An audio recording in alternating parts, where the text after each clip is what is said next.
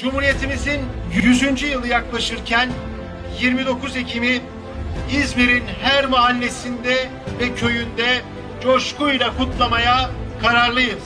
Çünkü İzmir yedi düvele karşı, emperyalizme karşı dünyanın en büyük mücadelelerinden birinin kazanıldığı, zaferle sonuçlandığı şehirdir.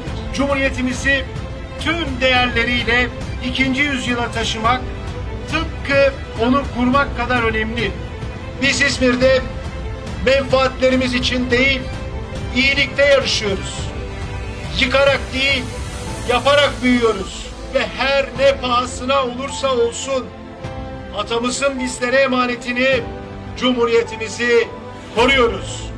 Cumhuriyetimizin 98. yılı kutlu olsun. Özgürlüğümüz payidar olsun.